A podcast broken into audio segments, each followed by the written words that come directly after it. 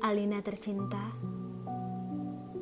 bersama surat ini kukirimkan padamu sepotong senja dengan angin, debur ombak, matahari terbenam dan cahaya keemasan. Apakah kamu menerima dalam keadaan lengkap? Seperti setiap senja di setiap pantai, tentu ada juga burung-burung, pasir yang basah, siluet batu karang, dan barangkali juga perahu lewat di jauhan. Maaf aku tidak sempat menelitinya satu persatu. Mestinya ada juga lokan, batu yang berwarna-warni, dan bias cahaya cemerlang yang berkeretap pada bui yang bagaikan impian selalu saja membuat aku mengangankan segala hal yang paling mungkin kulakukan bersamamu. Meski aku tahu semua itu akan tetap tinggal sebagai kemungkinan yang entah kapan menjadi kenyataan.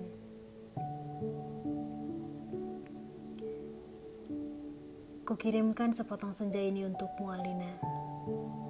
Dalam amplop yang tertutup rapat, dari jauh, karena aku ingin memberikan sesuatu yang lebih dari sekedar kata-kata. Sudah terlalu banyak kata di dunia ini, Alina dan kata-kata ternyata tidak mengubah apa-apa. Aku tidak akan menambah kata-kata yang sudah tak terhitung jumlahnya dalam sejarah kebudayaan manusia, Lina. Untuk apa? Kata-kata tidak ada gunanya dan selalu sia-sia. Lagi pula siapakah yang masih sudi mendengarnya? Di dunia ini semua orang sibuk berkata-kata tanpa peduli apakah ada orang lain yang mendengarnya. Bahkan mereka juga tidak peduli dengan kata-katanya sendiri. Sebuah dunia yang sudah kelebihan kata-kata tanpa makna. Kata-kata sudah luber dan tidak dibutuhkan lagi. Setiap kata bisa diganti artinya. Setiap arti bisa diubah maknanya. Itulah dunia kita, Alina. Kukirimkan sepotong senja untukmu Alina, bukan kata-kata cinta. Kukirimkan padamu sepotong senja yang lembut dengan langit kemerah-merahan yang nyata dan betul-betul ada dalam keadaan yang sama seperti ketika aku mengambilnya saat matahari hampir tenggelam ke balik cakrawala. Alina yang manis, Alina yang sendu. Akan kuceritakan padamu bagaimana aku mendapatkan senja itu untuk Sore itu, aku duduk seorang diri di tepi pantai, memandang dunia yang terdiri dari waktu. Memandang bagaimana ruang dan waktu bersekutu, menjelmakan alam itu untuk mataku.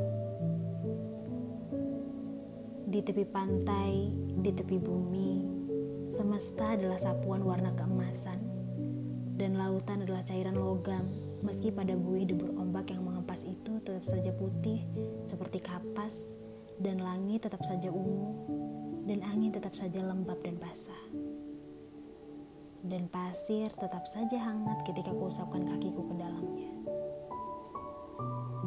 Kemudian tiba-tiba senja dan cahaya gemetar.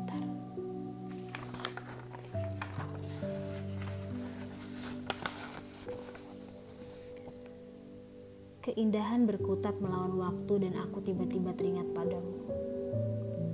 Barangkali senja ini bagus untukmu, pikirku. Maka kupotong senja itu sebelum terlambat. Kukerat pada empat sisi, lantas kumasukkan ke dalam saku.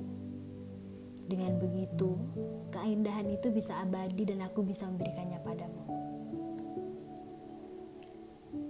Setelah itu, aku berjalan pulang dengan perasaan senang. Aku tahu kamu akan menyukainya karena kamu tahu itulah senja yang selalu kamu bayangkan untuk kita. Aku tahu kamu selalu membayangkan hari libur yang panjang, perjalanan yang jauh, dan barangkali sepasang kursi malas pada sepotong senja di sebuah pantai di mana kita akan bercakap-cakap sembari memandang langit sambil berangan-angan sambil bertanya-tanya, apakah semua ini memang benar-benar telah terjadi? Kini senja itu bisa kamu bawa ke mana-mana. Ketika aku meninggalkan pantai itu, kulihat orang-orang datang berbondong-bondong. Ternyata mereka menjadi gempar karena senja telah hilang. Kulihat cakrawala itu berlubang sebesar kartu pos. Alina sayang, semua itu telah terjadi dan kejadiannya akan tetap seperti itu. Aku telah sampai ke mobil ketika di antara kerumunan itu kulihat seseorang menunjuk-nunjuk ke arahku. Dia yang mengambil senja itu. Saya lihat dia yang mengambil senja itu. Kulihat orang-orang itu melangkah ke arahku. Melihat gelagat itu aku segera masuk mobil dan tancap gas. Catat nomornya, catat nomornya.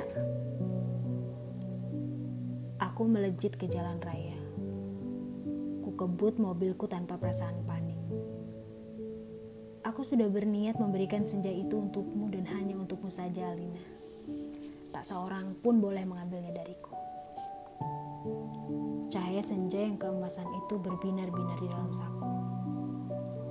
Aku merasa cemas karena meskipun kaca mobilku gelap, tapi cahaya senja tentu cukup terang dilihat dari luar. Dan ternyata senja itu memang menembus segenap cahaya dalam mobilku sehingga mobilku itu meluncur dengan nyala cemerlang ke aspal maupun ke angkasa. Dari radio yang kuseketel, aku tahu berita tentang hilangnya senja telah tersebar ke mana-mana. Dari televisi dalam bahkan kulihat seorang potretku sudah terpampang. Baru hilang satu senja saja sudah panik ya seperti itu. Apa tidak bisa menunggu sampai besok? Bagaimana kalau setiap orang mengambil senja untuk pacarnya masing-masing? Barangkali memang sudah waktunya dibuat senja tiruan dan bisa dijual di toko-toko. Dikemas dalam kantong plastik dan dijual di kaki lima. Sudah waktunya senja diproduksi besar-besaran supaya bisa dijual anak-anak pedagang asongan di perempatan jalan. Senja, senja! Seribu cuma tiga,